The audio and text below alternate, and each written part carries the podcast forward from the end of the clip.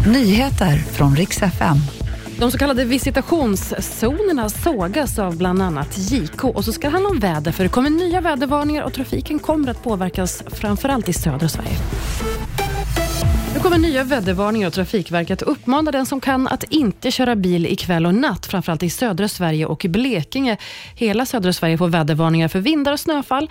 Det är bara bra att ha beredskap också på att bussar, tåg och flyg också kan påverkas.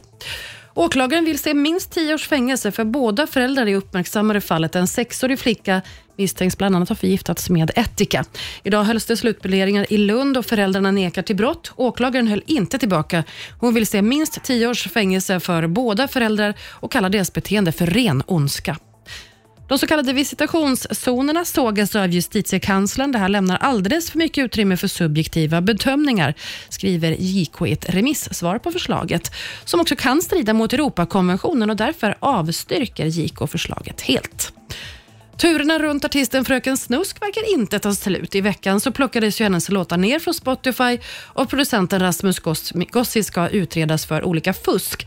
Idag dök låtarna upp på Spotify igen med ett nytt namn på både låt och produktion. Och Dessutom står det nu att låten inte längre är skriven av Rasmus Gossi utan istället av Oscar Ek. Mm, snart ska jag vara med i Melodifestivalen också, så vi lär ju inte ha hört det sista i den frågan.